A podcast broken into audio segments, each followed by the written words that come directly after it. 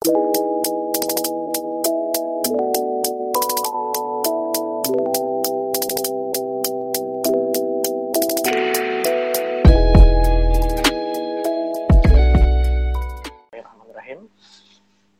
bergabung kami ucapkan kepada seluruh tenaga kesehatan, khususnya perawat, baik itu anggota DPD PPNI Kabupaten Hulu Sungai Utara atau perawat di mana pun Anda berada.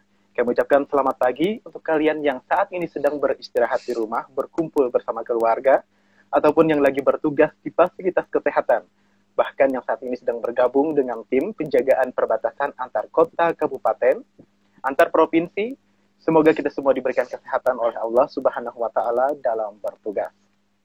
Amin. Dan selalu terapkan 3M, sering mencuci tangan, menggunakan sabun, memakai masker dan menjaga jarak. Serta perlunya menjauhi kerumunan dan mengurangi aktivitas di luar di luar rumah sehingga kita bisa berperan aktif dalam pemutusan mata rantai penyebaran gelombang COVID-19. Hadirin pemirsa di mana pun Anda berada, Kota Martapura berhambur permata. Kota Amuntai berjuluk kota bersakwa. Walaupun kita masih dalam suasana pandemi corona, dengan media sosial kita masih bisa bersua. Hadirin pemirsa yang berbahagia.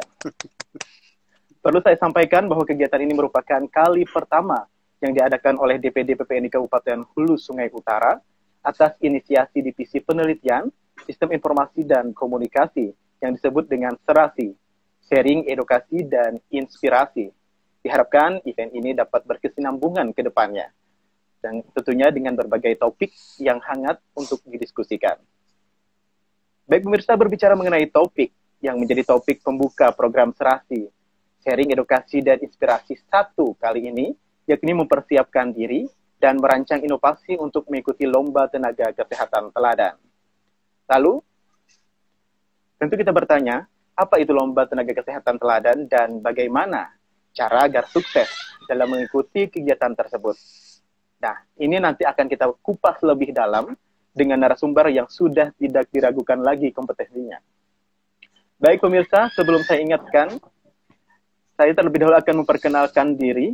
Assalamualaikum warahmatullahi wabarakatuh. Selamat pagi dan salam sejahtera untuk kita semua. HSU mantap.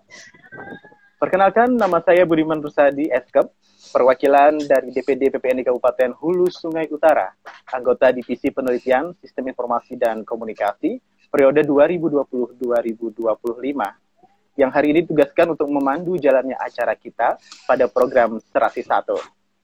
Adapun estimasi waktu kegiatan hari ini adalah 60 menit atau satu jam.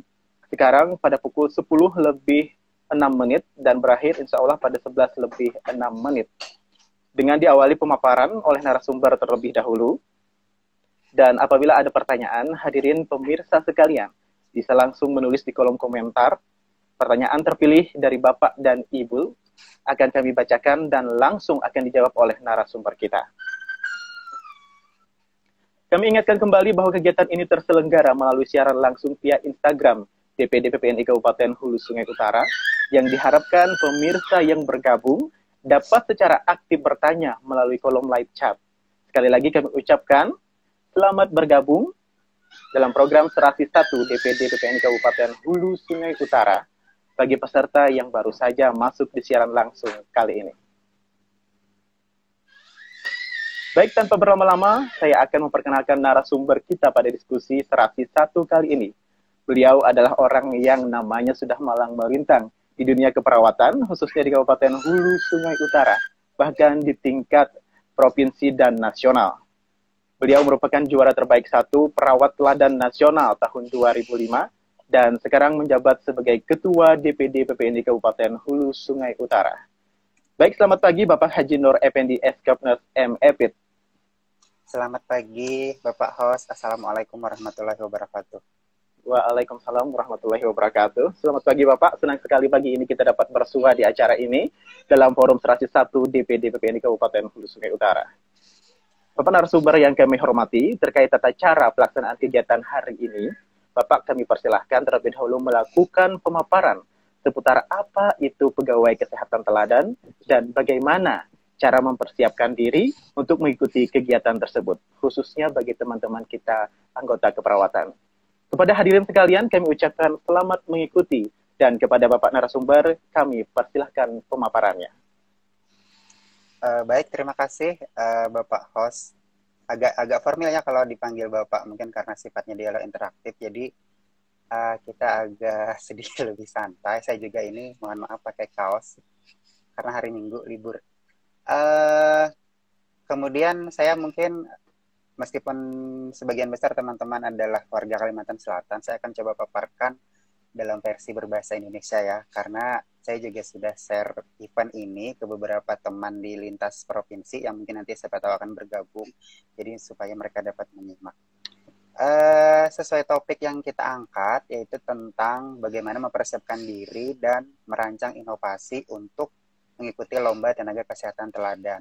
Ini uh, sebagaimana kita tahu setiap tahun lomba ini dilaksanakan karena memang sudah diatur di oleh Kementerian Kesehatan melalui dulu yang saya tahu dulunya itu ada keputusan Menteri Kesehatan nomor 658 tahun 2005. Nah, kemudian peraturan ini kemudian diupdate lagi yang terbaru melalui peraturan Menteri Kesehatan nomor 23 tahun 2016 tentang jadi itu merupakan pedoman tentang bagaimana penilaian tenaga kesehatan teladan di puskesmas, di mana itu uh, mencakup semua tenaga kesehatan yang mana salah satunya adalah perawat.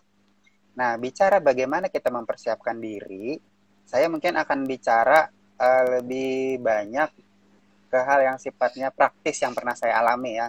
Meskipun di pedoman itu sudah dicantumkan apa saja yang akan dinilai, apa saja yang harus dipenuhi oleh uh, seseorang yang ingin mengikuti lomba tersebut. Tapi saya akan uh, apa kolaborasikan dengan apa yang sudah saya lakukan. Yang pertama yang perlu kita persiapkan memang tentu saja adalah mental karena ini bukan sesuatu yang mudah, tapi kalau kita bisa menikmati, insya Allah juga sesuatu yang menyenangkan. Karena mental ini perlu kita bangun, tidak banyak nakes yang dalam uh, kesibukannya dengan pekerjaannya, apalagi ini kan nakes di puskesmas nih yang kita tahu, notabene-nya banyak pegang program, apalagi sekarang di masa pandemi istilahnya direpotkan lagi dengan persiapan untuk mengikuti lomba ini. Jadi yang pertama memang mental harus siap dulu um, dalam arti ketambahan beban, beban pikiran karena banyak hal yang harus dipersiapkan selain mengerjakan pekerjaan rutin. Yang pertama mental, jadi mentalnya semangat juang, mental tidak tidak kenal menyerah dan mental mau untuk terus belajar. Yang pertama. Kemudian yang kedua, siap kita juga menyiapkan personality kita sebagai tenaga kesehatan. Ini mungkin harusnya sudah melekat ya, karena meskipun bunyinya itu lomba kinerja, kalau pedoman itu penilaian lomba kinerja tenaga kesehatan di puskesmas, tapi embel-embel yang melekat itu identik dengan sebutan tenaga kesehatan teladan. Jadi kan kalau menyandang gelar teladan itu berat tuh. Teladan teladan itu kan artinya contoh. Jadi bebannya berat. Nah, personality ini yang perlu kita bangun. Jadi kalau saya bilangnya sih notabene harus harus sudah include ya namanya teladan itu sebelum nanti kita bicara inovasi ya disiplin harus bagus, jujur, pantang menyerah tadi. Kemudian yang paling penting adalah menjadi role model. Role model dalam semua perilaku kesehatan. Ini mohon maaf, mungkin salah satunya mungkin kadang ada juga juri yang nanya, "Kamu merokok tidak?" Itu salah satu hal kecil yang jadi jadi apa? Jadi patokan orang kita itu jadi role model tidak untuk menerapkan perilaku hidup bersih dan sehat atau perilaku kesehatan. Atau sekarang contohnya dalam dalam masa pandemi, si nakesnya pakai masker tidak? Nah, istilahnya kalau kepatuhan nakesnya sendiri pakai masker lemah, boro-boro dia mau ikut eh, apa lomba yang nanti embel-embel gelarnya itu adalah tenaga kesehatan teladan. Itu yang kedua. Kemudian yang ketiga yang saya catat secara administrasi saya bicara mungkin lebih spesifik ke profesi perawat ya. Mohon maaf ini kalau ada teman-teman profesi nakes yang lain yang bergabung, tapi nanti bisa disesuaikan. Jadi kalau di profesi perawat, zaman dulu itu yang harus kita siapkan tentu saja eh, hal-hal uh, yang terkait dengan keprofesian atau keorganisasian kita sebagai perawat. Yang pertama mungkin STR, uh, eh, SIP, kemudian KTA, kartu tanda anggota, artinya kita terdaftar resmi sebagai anggota PPNI dalam hal ini kemudian uh, termasuk administrasi yang lain yang di luar itu. Kalau saya dulu uh, yang mungkin salah satu yang mungkin bisa ditiru oleh teman-teman, saya memang dari zaman sekolah, dari zaman SPK itu setiap ada seminar sering ikut, ikut, ikut benar-benar ikut dan dapat sertifikat. Jadi sertifikatnya itu biasanya saya susun, saya beli map holder map yang saya susun sesuai dengan tanggal sertifikat itu saya dapat. Jadi ini menggambarkan bahwa uh, kita itu adalah pembelajar. Karena kan dalam seminar pasti kita dapat hal baru dapat apa pengetahuan-pengetahuan baru atau uh, info-info terbaru yang harus selalu kita update. Kemudian yang lain-lain mungkin polanya standar lah ya seperti bagaimana perawat itu melaksanakan tugasnya asuhan keperawatan. Kalau zaman dulu ini dicari nih ya saya bicara saya karena apa hasil produksi produk dari teladan zaman dulu. Jadi asuhan keperawatan dicari, buku harian dicari, buku lapangan dicari, absensi, termasuk laporan kalau kita pegang program. Laporan-laporan program itu harus kita cari. Dan yang keempat, yang terakhir yang kita siapkan adalah inovasi. Ini saya bicara yang uh, pola penilaian zaman sekarang. Kita harus menyiapkan inovasi. Nah ini nanti akan kita akan kita kupas lebih banyak ya tentang inovasi ini mungkin empat hal itu uh, Mas Budi saya panggil Mas Budi aja ya Mas Host yang secara umum perlu kita persiapkan. Nanti kalau mau lebih bahasa dewanya itu ada di Permenkes nomor 23 2016 itu teman-teman bisa googling atau searching. Baik dari sumber untuk lebih akrabnya bolehkah saya memanggil abang atau apa? Sehingga kita lebih cair suasananya. Iya boleh boleh silahkan. Baik tadi uh, saya mencatat beberapa poin terkait penjelasan dari narasumber terkait apa saja yang perlu dipersiapkan. Pertama dari mentalnya terlebih dahulu, kemudian dari penerapan PHBS, uh, perawat yang bersangkutan yang mengikuti kegiatan, kemudian administrasi baik itu kartu anggota, kemudian STR, kemudian IPP, kemudian juga adanya keaktifan dalam kegiatan seminar ilmiah Selanjutnya juga diperlukan adanya bukti fisik laporan-laporan kegiatan yang mana itu menandakan bahwa kita sebagai profesi keperawatan. Baik, ini kan kegiatannya berlangsung setiap tahun dengan jumlah peserta yang banyak, tentunya uh, kemungkinan terjadinya imitasi atau duplikasi uh, inovasi yang ada itu bisa terjadi.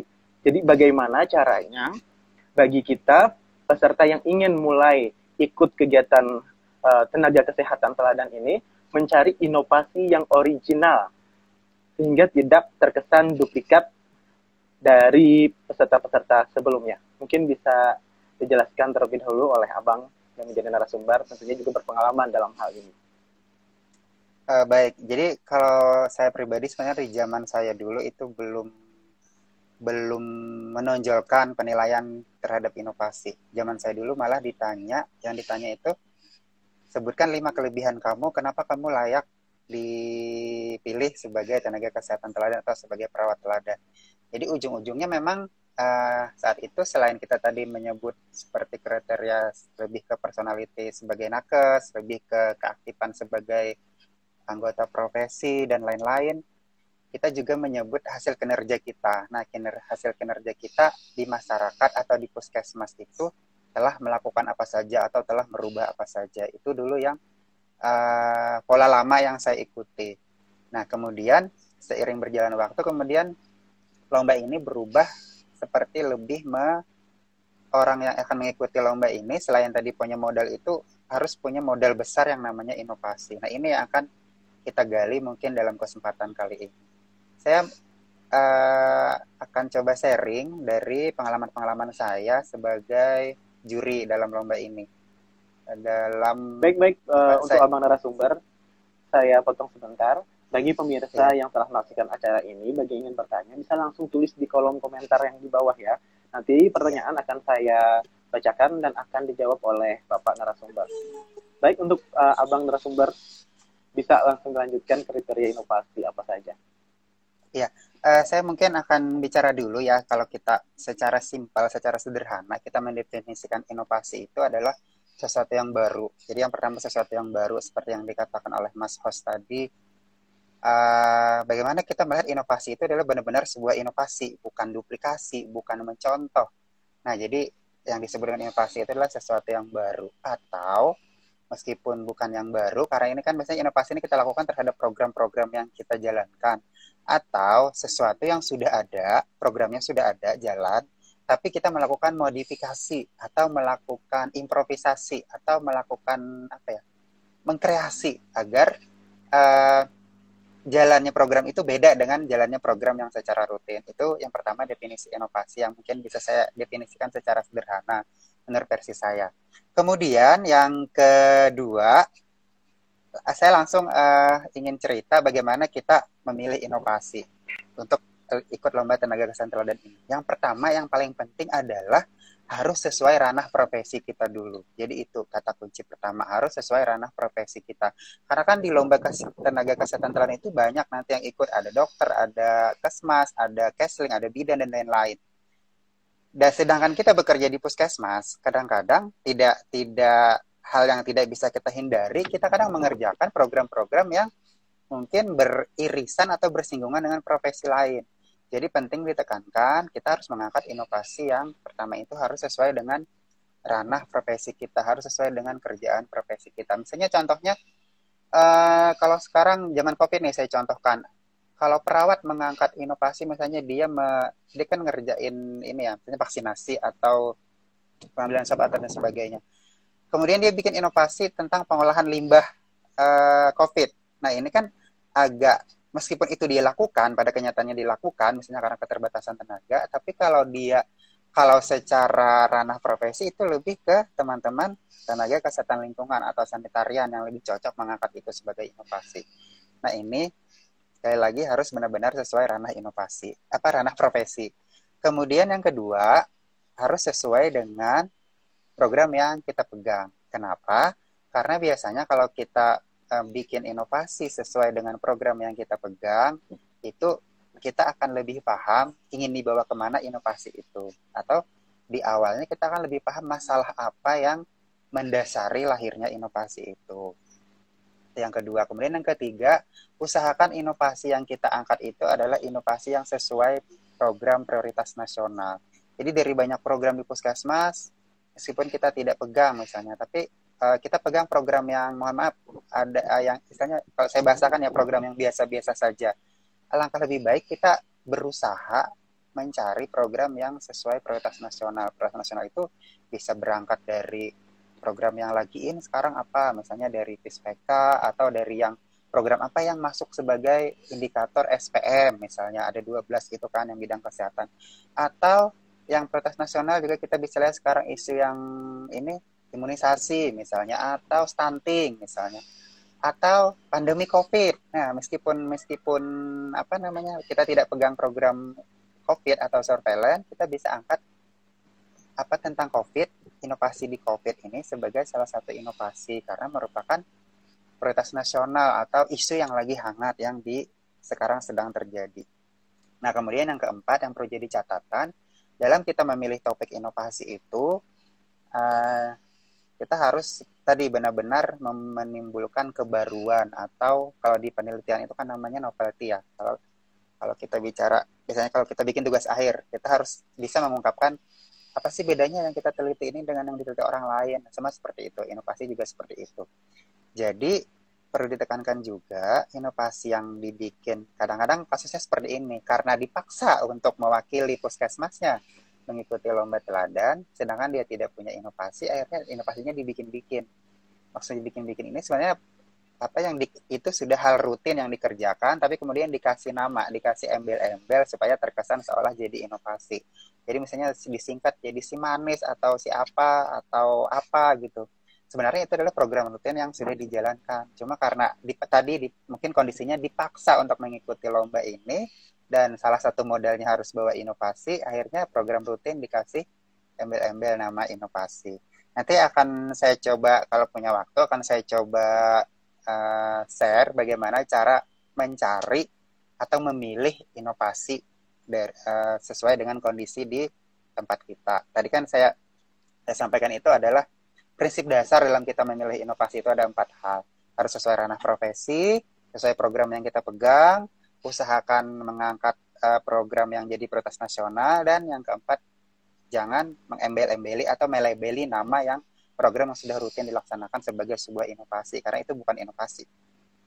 Seperti ya, itu, ini Mas, Abang uh, terkait mas. cara memilih inovasi ada teman kita dari perawat Palbatu yang memberikan pertanyaan di kolom komentar tepatnya dari Muslim underscore share uh, beliau bertanya terkait inovasi itu sendiri. Uh, apakah inovasi itu bisa berfokus ke bidang perawatan atau bisa berkolaborasi dengan bidang yang lain juga? Bisa kerjasama dengan kesmas atau bidang yang lain. Sedangkan kita ketahui bahwa tadi cara memilih inovasi yang disampaikan walaupun bukan program yang kita pegang, asalkan itu sesuai dengan program prioritas nasional, itu bisa kita lakukan. Apakah ini masuk kriteria itu atau uh, untuk kolaborasi seperti ini tidak dianjurkan dalam uh, pemilihan tenaga kesehatan teladan ini? Oke, uh, terima kasih pertanyaannya. Ini Mas siapa tadi mau Muslim underscore share dari Muslim perawat Palbatu. Oh ini perawat yang bertugas di puskesmas pembantu ya. Uh, jadi sebenarnya kalau menurut saya sih kita bisa kalau memang nanti saya belum jelaskan ya bagaimana cara menggali uh, latar belakang kita memunculkan inovasi. Tapi prinsipnya adalah kalaupun misalnya hasil galian kita itu, hasil analisa kita itu ternyata kita harus mengangkat inovasi yang programnya itu adalah atau kegiatannya itu yang beririsan atau harus berkolaborasi dengan profesi lain, nakes lain, boleh silahkan dengan catatan karena kita, yang kita ikuti adalah lomba tenaga kesehatan uh, profesi kita sebagai perawat, maka kita harus menonjolkan si kitanya, si profesi kitanya sebagai profesi perawat itu yang sebagai pelaku utama inovasi tersebut. Jadi monggo silahkan dalam konteks berkolaborasi karena mungkin misalnya kegiatannya harus benar harus melibatkan uh, apa profesi lain misalnya nih saya mungkin saya bayangkan ya nah, si apa tadi si penanya karena bertugas di Pustu sebenarnya dia punya kans lebih luas untuk memilih inovasi yang Pustu itu kan istilahnya miniaturnya semacam miniaturnya puskesmas program apa saja bisa masuk di situ meskipun dia tidak pegang program. Jadi misalnya contohnya dia harus me, dari kajian masalah yang ada di wilayah kerjanya itu ternyata terkait masalah kesehatan ibu dan anak ini kan lebih banyak ke ranah profesi bidan. Tapi jangan lupa di perawat juga ada perawat maternitas, ada peran perawat maternitas yang bisa dilakukan. Jadi bisa silahkan diangkat inovasi yang mungkin temanya atau kegiatannya itu uh, dalam bentuk kesehatan ibu dan anak yang meskipun kegiatannya harus melibatkan atau bekerja sama dengan profesi bidan. Tapi sekali lagi penekanan saya yang ditekankan adalah tonjolkan atau pelaku utamanya itu sendiri adalah profesi keperawatan termasuk kegiatannya, kegiatan keperawatan yang dimunculkan di kegiatan inovasi tersebut. Begitu, mudah-mudahan bisa menjawab pertanyaannya. Baik, Abang, terkait kolaborasi tadi yang diperbolehkan pada dasarnya, eh, apakah ada kadar persentase atau bobot yang mengharuskan dari uh, kegiatan kolaborasi tadi, kadar ilmu pengetahuannya sekian, keperawatannya sekian, kemudian dari kolaborasinya sekian, sehingga meloloskan uh, penelitian itu atau inovasi itu ke tahap selanjutnya apakah ada tertulis secara uh, nyata di peraturan atau hanya masih sekedar uh, uh, dibolehkan saja seperti itu? Tidak ada aturan yang jelas mengikat berapa persentasi dari kebolehan kolaborasi tersebut. Ya, uh, kalau di kalau harus diangkakan ya mungkin memang agak agak absurd, nggak jelas harus se seberapa persen tapi yang pasti ini subjektif ya. Yang pasti uh, si profesi perawat atau si perawatnya itu sendiri harus yang lebih banyak berperan. Mulai dari menginisiasi inovasi tersebut sampai mengerjakan. Nah, melibatkan profesi lainnya itu hanya mungkin sebatas dalam seperti misalnya tadi misalnya dia mengangkat inovasi tentang kesehatan ibu dan anak yang harus melakukan pemeriksaan rutin uh, apa kehamilan misalnya yang meriksa kan harus bidan tapi idenya atau konsep konsep dari pemeriksaan inovasi yang dilakukan itu diinisiasi oleh perawat dan dikreat oleh perawat tersebut jadi tidak lari dari perannya sebagai mungkin di kalau namanya di desa yang bisa uh, apa menonjolkan peran sebagai perawat komunitas atau perawat maternitas. Baik, Abang narasumber, uh, dari sekian banyak pengalaman yang telah abang jalani dan abang lalui terkait cara memilih inovasi tadi seperti sesuai dengan ranah profesi kita, kemudian sesuai program yang kita pegang, sesuai dengan program prioritas nasional, kemudian menimbulkan pembaharuan atau uh, inovasi tadi, sehingga uh, apa sih dari sepanjang perjalanan karir yang saat ini gambaran inovasi seperti apa yang bakal booming kalau kita angkat dalam program perawat teladan yang akan datang seperti itu sehingga teman-teman kita bisa ada gambaran uh, lebih jelas tentang program yang akan diikutkan dalam lomba tersebut. Baik, uh, saya akan coba me, apa namanya me, mencoba mengulas supaya kalau kita nanti menyimpulkan bagaimana apa, pilihan inovasi yang paling tepat diangkat sesuai dengan permasalahan atau sesuai profesi kita kalau kita ingin ikut teladan. Jadi yang pertama, eh, selain kriteria yang saya sebutkan di awal empat tadi ya, kemudian ini kita berproses bagaimana menggali latar belakang untuk memunculkan inovasi tersebut. Yang pertama adalah kita harus melakukan kajian mendalam. Kajian mendalam ini kalau kita pegang program tentu saja kita harus lakukan lagi telaah data, review laporan, lihat hasil evaluasi laporan kita dari yang sudah kita kerjakan, yang sudah kita kerjakan rutin. Jadi dari situ kita nanti lihat yang bermasalah di mana. Kan di laporan itu biasanya ada indikator program. Kita berangkat mencari masalah itu adalah indikator program itu mana yang belum tercapai. Nah, kita berangkat dari situ. Di situlah kita mungkin bi pertama apa bisa melihat, oh berarti aku harus mengerjakan sesuatu untuk mencapai indikator program ini. Itu yang pertama, istilahnya apa ya? Landasan berpikirnya harus seperti itu. Kemudian Tadi kalau misalnya tidak cukup dengan review laporan, tidak cukup dengan telah data, teman-teman bisa juga melakukan survei kecil-kecilan. misalnya sebelum menginisiasi inovasi ini. Misalnya kayak contohnya si tadi yang penanya yang bertugas di Pustu itu bisa kalau dia tidak punya laporan, tidak tidak terlalu lengkap laporan di wilayah kerjanya, dia bisa lakukan survei kecil-kecilan ke di wilayah kerjanya, survei ke desa. Misalnya, oh aku berpikir kenapa sih di sini uh, kunjungan ibu hamil ke nakes itu rendah apakah karena kurang pengetahuan atau apa nah jadi pengetahuan itu kita tidak bisa sebut kur, apa apa pengetahuan masyarakatnya kurang tanpa ada data pendukung yang uh, berbasis yang bisa diakui ya. Ya minimal kita melakukan survei kecil-kecilan.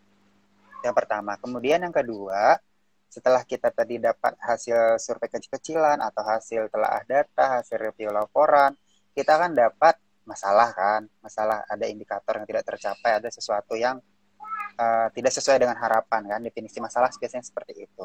Nah, kemudian baru kita cari, harus kita cari sumber akar masalahnya itu apa. Jadi saya ambil contoh praktis lagi ya, kalau misalnya kita mau mengangkat rendahnya cakupan imunisasi. Nah, kalau kita mengangkat, kita akan menggaris cakupan imunisasi yang rendah ini Uh, tapi caranya seperti apa? Harus kita pilih yang uh, tepat. Harus kita pilih yang tepat. Apa? Uh, cara mengang cara meningkatkan cakupan imunisasi ini. Tentu saja harus kita gali rendah cakupan imunisasinya karena apa sih? Apakah karena misalnya kalau misalnya kan ini luas nih, misalnya imunis ini apa imunisasi ini kan misalnya datangnya ke posyandu. Dia tidak datang ke posyandu itu sasaran itu karena apa? Karena orang tuanya misalnya sibuk tidak membawa ke posyandu kah? Atau karena ada pemahaman agama kah yang menyatakan imunisasi itu haram dan sebagainya misalnya?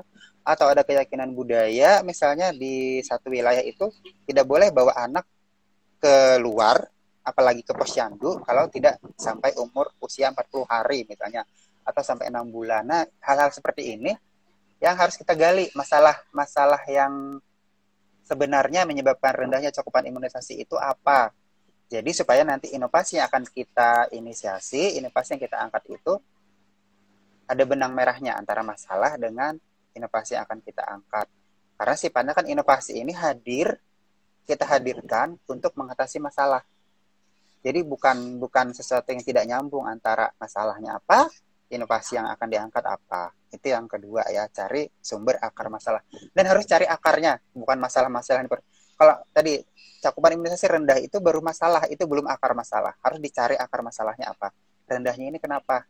Atau karena posyandunya tidak ada misalnya, atau karena uh, jaraknya jauh dengan apa namanya puskesmas jadi tidak tidak rutin kunjungan posyandunya dan sebagainya itu akar-akar masalah itu seperti itu kemudian yang ke, ke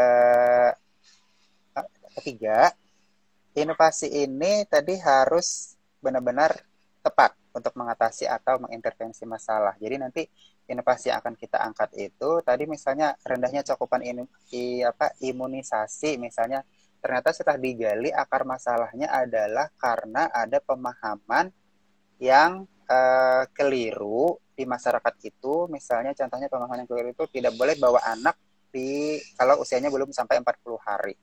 Nah, berarti inovasi yang dimunculkan nanti adalah bentuknya itu edukasi atau uh, apa peningkatan pengetahuan ke masyarakat yang bisa merubah pemahaman masyarakat atau keyakinan masyarakat itu supaya pemahamannya yang tadi tidak boleh bawa anak sebelum 40 hari itu berubah menjadi berubah perilaku kesehatan yang berubah. Jadi seperti itu.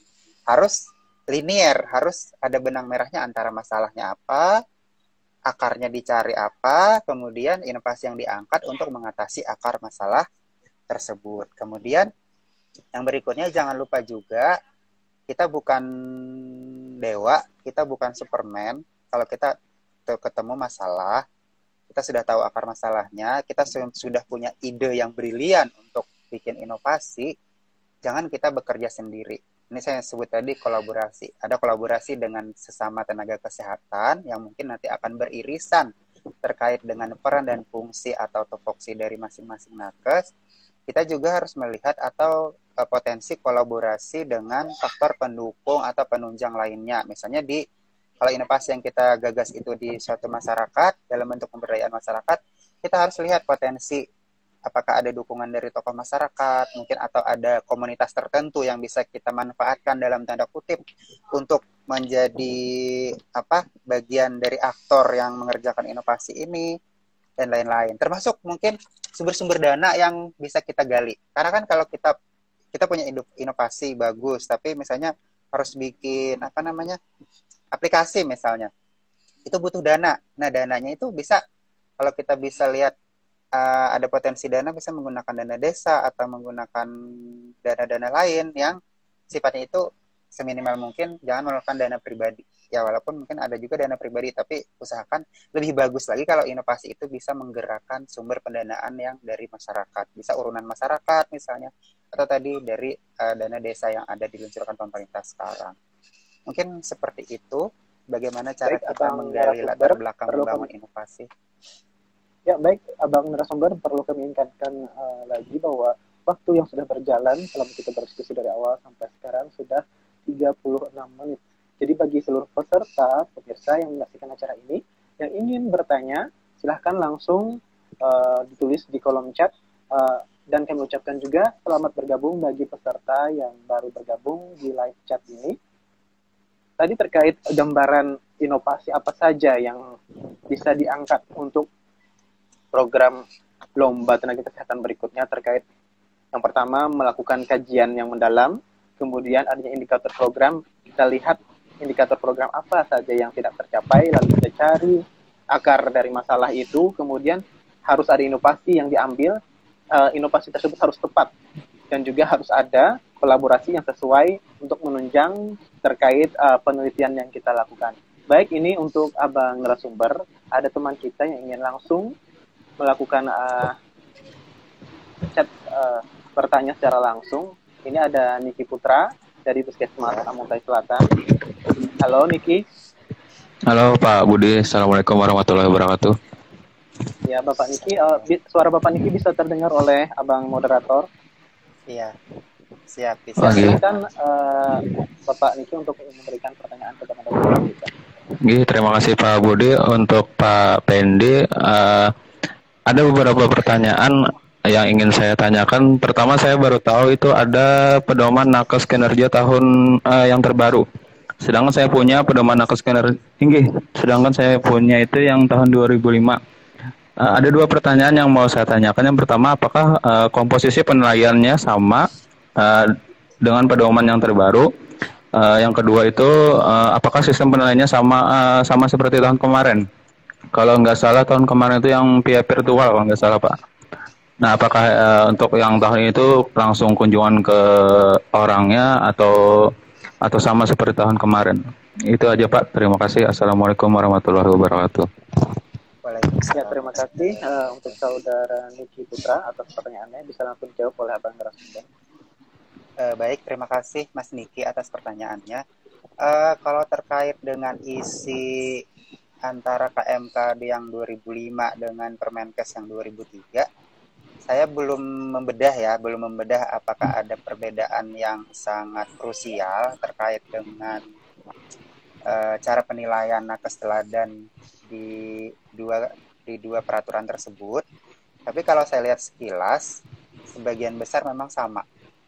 Mungkin yang 2003 eh 2016 ini mereka lebih menekankan lagi bahwa nanti akan dilihat itu adalah benar-benar nakes yang uh, mampu membuat inovasi dan menjadi penggerak pemberdayaan masyarakat. Mungkin seperti itu. Jadi inovasinya itu se apa seoptimal mungkin diupayakan inovasi yang sifatnya itu nakesnya yang menginisiasi untuk menggugah atau me, apa, memotivasi masyarakat agar kemudian mampu bergerak sendiri dalam melakukan berbagai program kesehatan. Jadi kalau selama ini kan masyarakat itu cuma sebagai sasaran, kita sebagai pelaksana program. Nah, ke depannya uh, akan dicari nakes-nakes yang mampu mentransfer kemampuannya menjalankan program kesehatan supaya kita tidak capek-capek lagi memotivasi masyarakat. Jadi masyarakatnya yang lebih dominan atau kalau bahasa banyak itu sudah masyarakat sudah bisa dilepas untuk mengerjakan program kesehatan. Jadi yang dicari seperti itu. Itu secara konseptual dalam penilaian apa pedoman penilaian atas teladan. Kemudian untuk teknisnya sendiri, eh, seperti yang sudah kita jalani selama ini, saya rasa mungkin tidak terlalu banyak perbedaan ya. Kalau yang kemarin secara virtual itu sifatnya hanya situasional karena kondisi saat itu memang tidak memungkinkan. Untuk ke depan, saya tidak tidak belum belum bisa pastikan. Jadi kalau di kita sendiri di tingkat Kabupaten Sungai Utara sendiri, eh, kami baru dapat informasi karena kebetulan yang melaksanakan kegiatan ini sendiri adalah di seksi sumber daya kesehatan ya di dinas kesehatan uh, di di mereka leadingnya jadi mereka yang atur nanti pelaksananya seperti apa yang saya tahu dari surat pemberitahuan itu uh, semua puskesmas itu sudah harus mengirimkan nakesnya beserta makalah inovasi yang akan dilombakan jadi mungkin uh, ancang-ancang kami kami akan lihat dulu makalah inovasi yang terkumpul mungkin nanti akan kita lihat uh, sekitar entah tiga terbaik atau lima terbaik yang akan kita undang ke kabupaten untuk mempresentasikan secara langsung di depan para dewan juri. Mungkin seperti itu. Baru nanti Baik, akan dilihat ke lapangannya seperti apa. Jadi Baik, secara prinsip, secara garis besarnya masih kurang lebih sama dengan tahun-tahun sebelumnya. Nanti ada yang ditanyakan Mas Niki, apa sudah jelas? Uh, sudah jelas Pak, G, terima kasih sebelum Anda meninggalkan uh, ini, saya mau nanya apakah Mas Niki sudah pernah mengikuti kegiatan lomba perawat teladan ini sebelumnya? Uh, sebelumnya belum pernah Pak, cuman untuk tahun ini uh, saya dipercaya sebagai uh, mewakili Puskesmas Kesehatan untuk uh, profesi keperawatan. Mohon doanya Pak. Ya, Terima kasih. Semoga berhasil dan sukses. Berjalan dengan lancar dan bisa membawa nama harum Puskesmas Kabupaten Selatan dan HSU di tingkat yang lebih tinggi. Amin. Terima kasih, Pak. Okay. Baik, untuk penanya selanjutnya, silakan pemirsa yang ingin memberikan pertanyaan bisa langsung tulis di kolom chat. Mohon izin untuk live-nya apa eh, live-nya gimana ya, Pak? Ya kepada panitia bisa langsung. Oke. Okay.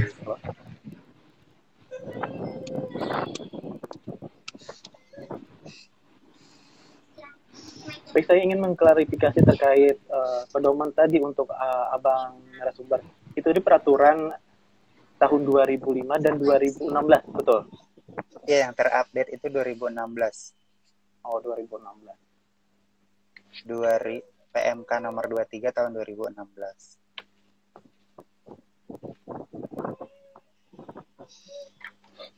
Uh, jadi, ya saran saya teman-teman yang akan mengikuti lomba mungkin bisa mendownload PMK tersebut supaya jadi bahan juga untuk uh, persiapan dirinya.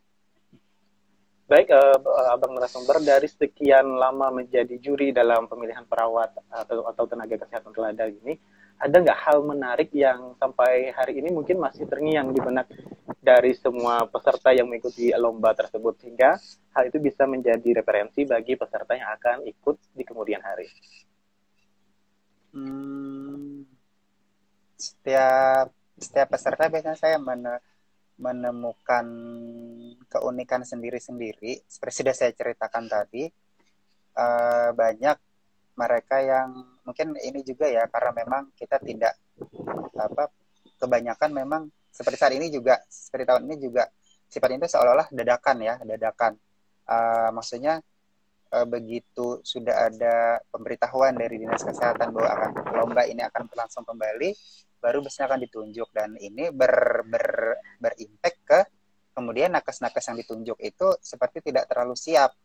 Kemudian mereka bikin inovasi yang tadi seperti asal-asalan atau inovasi yang simsalabim satu malam jadi gitu kan. Jadi akhirnya uh, inovasi-inovasi yang ditawarkan ke kita sebagai tim penilai itu kadang sifatnya lucu-lucu. Ada yang saya bilang ada yang memang program rutin, kemudian dikasih dikasih label embel-embel dengan singkatan yang keren-keren cantik-cantik apa manis-manis bahasanya cuma setelah kita kupas isinya ya tidak lebih sekedar menceritakan bagaimana program rutin itu dijalankan ada juga yang ada juga yang seperti saya bilang sebelumnya yang seperti mengerjakan ranah profesi lain. Ya jadi itulah mungkin hal, -hal yang menarik sebenarnya. Tapi prinsip saya kalau saya memang setiap setiap lomba ya tidak ada inovasi yang sempurna. Tidak ada yang sudah. Tapi ke depannya dengan bekal ini dengan bekal baca PMK yang terbaru mudah-mudahan inovasi artinya makalah inovasi yang disodorkan ke kita itu lebih sudah lebih lebih baik lagi lebih mendekati sempurna lagi supaya nanti karena sifatnya begini tim penilai itu kemudian bukan selesai pada setelah menilai biasanya kami akan kemudian diamanahi setelah terpilih pemenang akan diamanahi untuk melakukan pembinaan atau pembekalan untuk menggodok kembali inovasi yang di, akan dilombakan ini ke tingkat provinsi. Jadi mudah-mudahan nanti kerjaan kami berikutnya itu tidak lagi terlalu terlalu banyak untuk merubah inovasi yang sudah dibikin. Mungkin seperti itu. Untuk abang narasumber ini kan abang sebagai mantan pemenang terbaik pertama tingkat nasional pegawai teladan 2005 ini mungkin uh, sebagai motivasi bagi teman-teman yang lain yang ingin mengikuti kegiatan uh, perlombaan pegawai teladan tersebut apa sih yang didapatkan atau apa sih impact bagi kita setelah kita mendapatkan mungkin uh, prestasi ini sehingga mungkin orang sudah banyak mengenal kita apa sih keistimewaan yang dirasakan bagi kita mungkin ini bisa memotivasi teman-teman yang lagi sedang menyusun uh, program yang akan diikutkan menjadi lomba di pegawai uh, pegawai teladan di tahun berikutnya. Yang kita dapatkan mungkin kalau lebih ke yang pertama saya bicara secara material dulu ya yang didapatkan dari lomba. Karena lombanya ini berjenjang dari tingkat kabupaten, kemudian tingkat provinsi, sampai kemudian di tingkat pusat. Masing-masing level itu menyediakan hadiah-hadiah yang insya Allah semakin lama itu semakin menarik semakin banyak. Terakhir saya dapat uh, kabar teman-teman yang ikut ke tingkat sampai di tingkat nasional itu bahkan meskipun sampai finalis saja di tingkat nasional ada yang dapat motor, ada yang dapat laptop, ada macam-macam. Itu yang yang sifatnya material selain tentu saja istimewanya adalah semua fin, de, sebelum dari zaman sebelum pandemi ya. Jadi ceritanya waktu itu saya saya itu waktu itu ikut lomba itu juga apa tidak terlalu berekspektasi akan sampai ke nasional karena saat itu eh, pergantian presiden waktu habis Pak Harto jadi zaman dulu itu teladan-teladan itu zaman Pak Harto itu diundang setiap 17 Agustus ke Jakarta. Setelah Pak Harto lengser, setelah Pak Harto lengser itu ditiadakan, Kemenkes tidak lagi menyelenggarakan itu. Nah kemudian jadi ganti presiden siapa tuh? Bu Mega, Pak Gus Dur, Pak siapa? Pak wakilnya Pak Harto, Pak Habibie, sampai kemudian di di tahun pertama Pak SBY beliau me, me, saya nggak tahu yang menginisiasi siapa, tapi kemudian di tahun pertama Pak SBY itu jadi presiden, Nakes Teladan itu kembali diundang ke Istana Negara dalam tanggal 17 Agustus. Jadi saya juga kaget tadinya kan sudah setelah dikasih tahu pengumuman di provinsi juara pertama, oh udah selesai sampai di situ, tidak ada ekspektasi lain.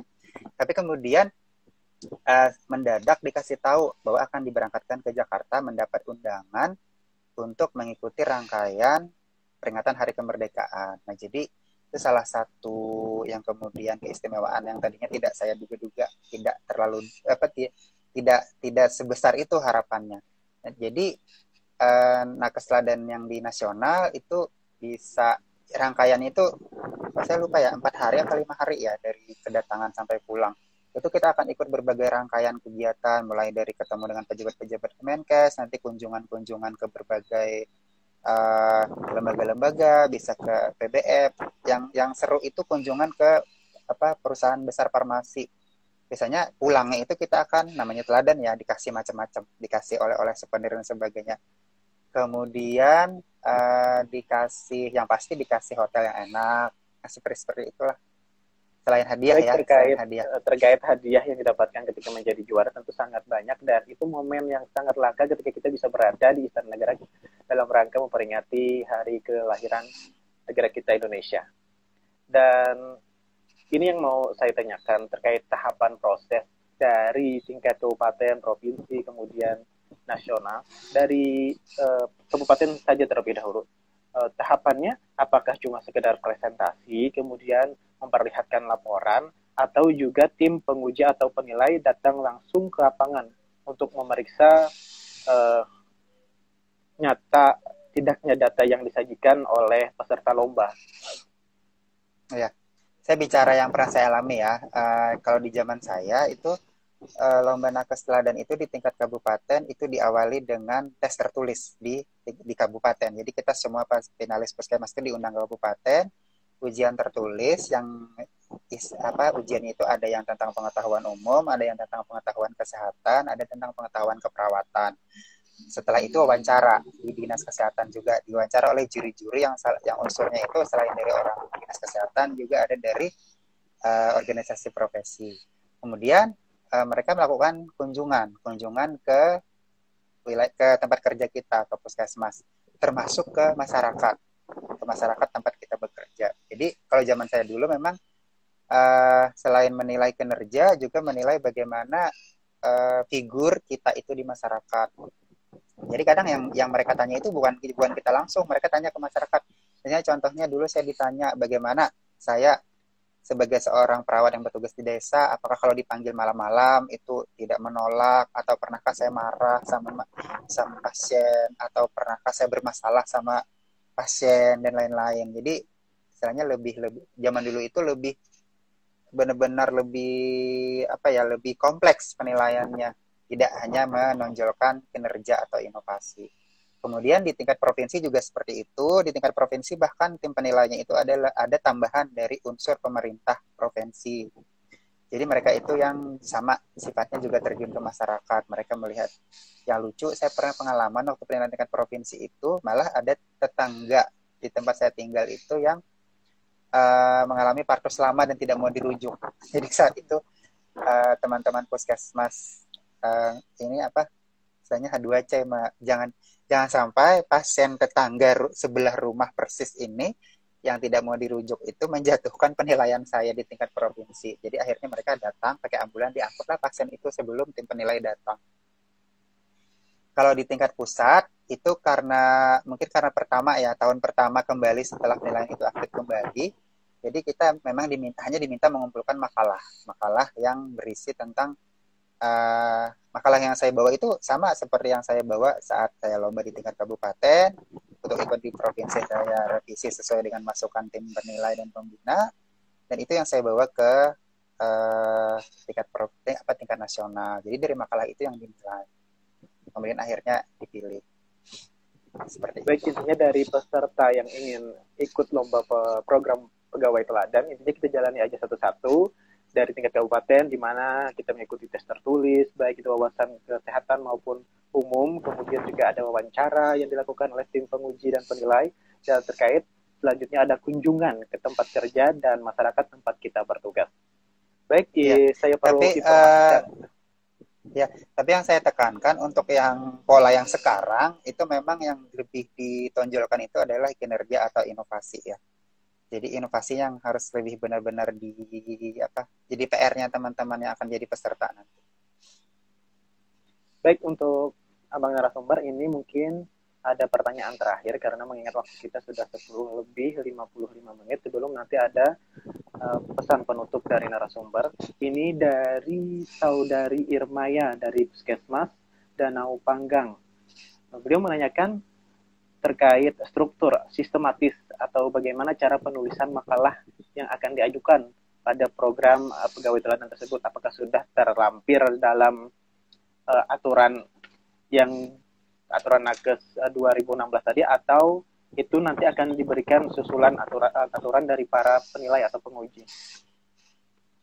Oh ya, uh, sekali lagi mohon maaf saya juga belum bedah karena saya lihat sekilas, saya kan cuma uh, saya baca permenkesnya cuma lihat sekilas bobot penilaian yang di apa disyaratkan untuk nakes teladan yang berdasarkan PMK 2000 16 ini apa saya lihat hampir mirip. Jadi saya belum belum bedah satu-satu ya. Tapi pada prinsipnya uh, isinya kurang lebih sama dengan yang tahun 2005 nah kemudian cara penulisan makalah yang di uh, apa namanya yang di apakah ada acuan khusus? Sebenarnya tidak tidak ada. Cuma biasanya kalau dari provinsi dari di Kalsel itu mereka menetapkan acuan. Saya saya belum ketemu nih. Yang saya ingat ya yang saya ingat. Jadi biasanya intinya itu yang pertama kita harus bisa mengungkapkan, mengungkapkan latar belakang kenapa inovasi itu muncul.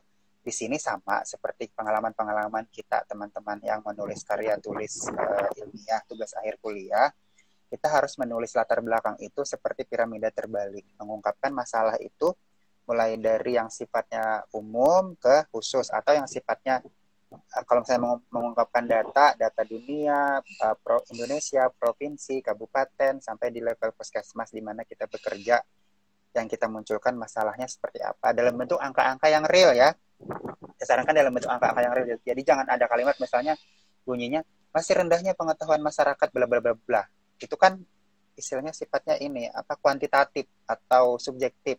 Jadi kalau bisa ungkapkan data yang real. Makanya tadi kalau kita bicara rendah pengetahuan itu harus ada survei kecil dulu pengetahuannya berapa persen dari yang kita survei yang masih rendah pengetahuan atau kalau misalnya dalam bentuk indikator ini imunisasi BCG misalnya hanya sekian persen disebut dengan jelas persennya itu berapa itu seperti itu uh, apa mengungkapkan latar belakang itu di latar belakang. Kemudian yang kedua biasanya tujuan. Tujuan inovasi. Di latar belakang ini sebenarnya agak panjang sih ceritanya ya. Jadi latar belakang itu harus bercerita tentang masalah itu apa akar masalahnya apa kemudian bagaimana kita menginisiasi inovasi itu yang nanti fungsinya untuk mengintervensi atau mengatasi masalah tersebut. Itu nanti diceritakan dalam bentuk narasi yang harus jelas ya Kemudian yang kedua, uh, biasanya kita harus menuliskan tujuan inovasi itu.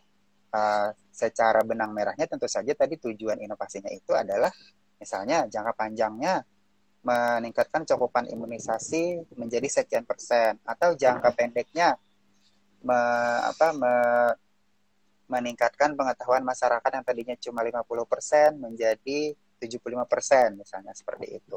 Terus disebut. Kemudian yang berikutnya setelah kita uh, dapat tujuan, kita ceritakan juga bagaimana kita berproses menginisiasi inovasi tersebut. Jadi cerita di makalahnya itu ditulis uh, menggali masalahnya kapan, semacam ada timeline gitu. Menggali masalahnya kapan, kemudian setelah ketemu masalah menghadap kepala puskesmas misalnya atau menyusun rancangan inovasinya kapan, kemudian inovasinya itu dijalankan mulai kapan, supaya supaya kelihatan pola pola kerja pola kerjanya kita menggarap inovasi itu timelinenya seperti apa? Perjalanan kita sudah satu tahun kah? Sudah dua tahun kah? Atau baru saja kah? Itu akan kelihatan kalau kita ceritakan timelinenya. Kemudian yang berikutnya setelah kita cerita uh, proses inovasinya kita juga harus detail menceritakan bagaimana inovasi itu berjalan. Misalnya kalau inovasi itu bentuknya aplikasi kita harus ceritakan apa cara menjalankan aplikasinya seperti apa. Atau kalau inovasinya dalam bentuk misalnya uh, membuat media promosi atau media penyuluhan, kita harus ceritakan bagaimana media promosinya itu bekerja kepada sasaran. Harus diceritakan detail, misalnya me, apa membuat inovasi dengan membuat media inovasi yang berbasis lokal kedaerahan, misalnya itu harus diceritakan. Yang terakhir, setelah kita cerita proses inovasinya, kita juga harus ceritakan di makalah itu keberhasilan. Keberhasilan dari inovasi yang kita lakukan. Keberhasilan Baik, ini untuk... harus harus sebentar sedikit lagi harus connect dengan tujuan tadi.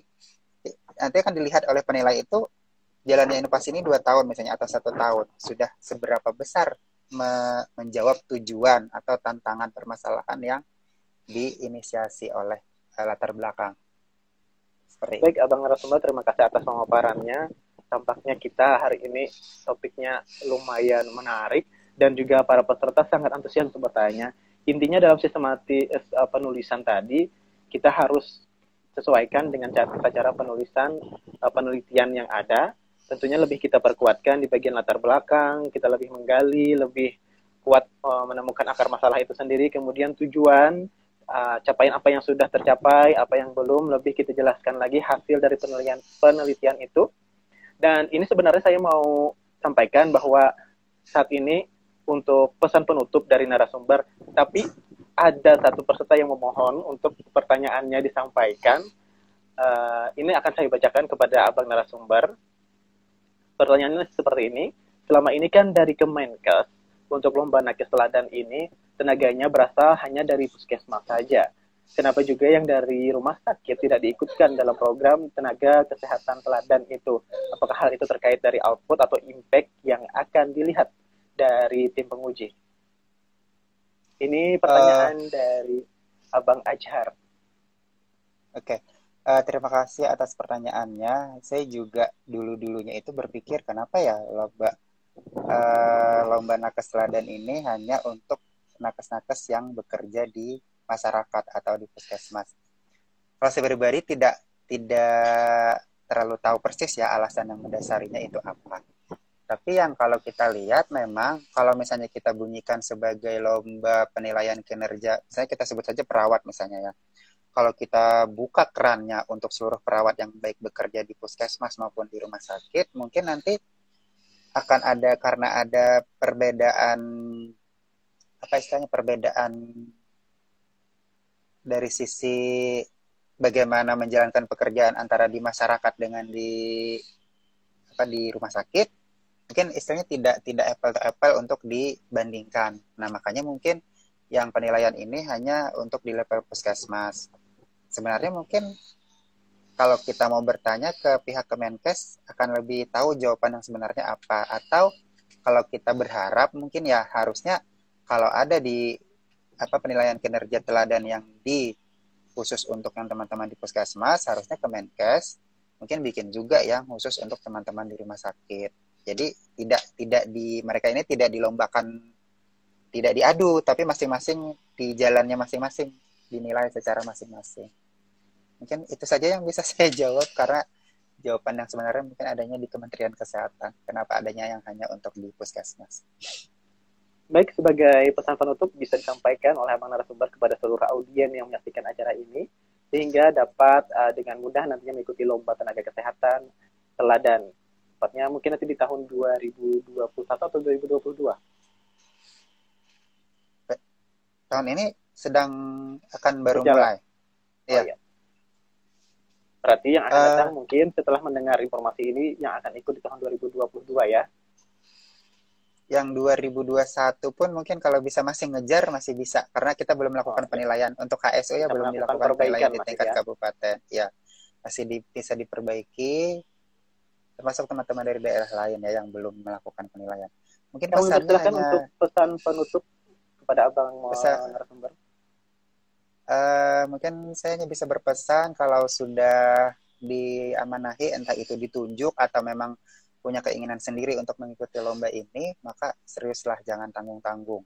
Jadi kerjakan seoptimal mungkin, pikirkan seoptimal mungkin inovasi yang akan kita bawa untuk lomba ini dan jangan jangan jangan segan, jangan ragu untuk bertanya pada teman-teman yang telah lebih punya pengalaman untuk mengikuti lomba ini. Saja mungkin. Baik, terima kasih kepada Abang narasumber. Baik pemirsa di mana pun Anda berada, untuk sudah kebersamaan kita dalam waktu lebih kurang satu jam ini. Kami harapkan kegiatan ini terus berlanjut, tentunya dengan topik-topik yang menarik untuk kita diskusikan bersama sehingga dapat menimbulkan kecerahan untuk anggota perawat di mana pun berada, khususnya di Kabupaten Hulu Sungai Utara. Kami selaku perwakilan DPD PPN Kabupaten Hulu Sungai Utara mengucapkan mohon ampun dan maaf apabila terdapat kesalahan dalam penyelenggaraan acara terapi satu ini. Semoga di kemudian hari kami dapat meningkatkan kegiatan ini lebih baik lagi. Kemudian terima kasih kepada narasumber yang telah bersedia hadir dan memberikan informasi-informasinya kepada kami semua dan juga tak lupa kepada para peserta yang hadir dan bergabung dalam siaran langsung via Instagram ini. Kami ucapkan terima kasih. Sampai jumpa di serasi berikutnya. Selamat menjalankan ibadah puasa di hari yang ke-27. Semoga amal ibadah kita diterima Allah Subhanahu wa taala. Tetap jaga kesehatan dan salam perawat nasional Indonesia. Wabillahi taufiq wal hidayah. Wassalamualaikum warahmatullahi wabarakatuh. Waalaikumsalam.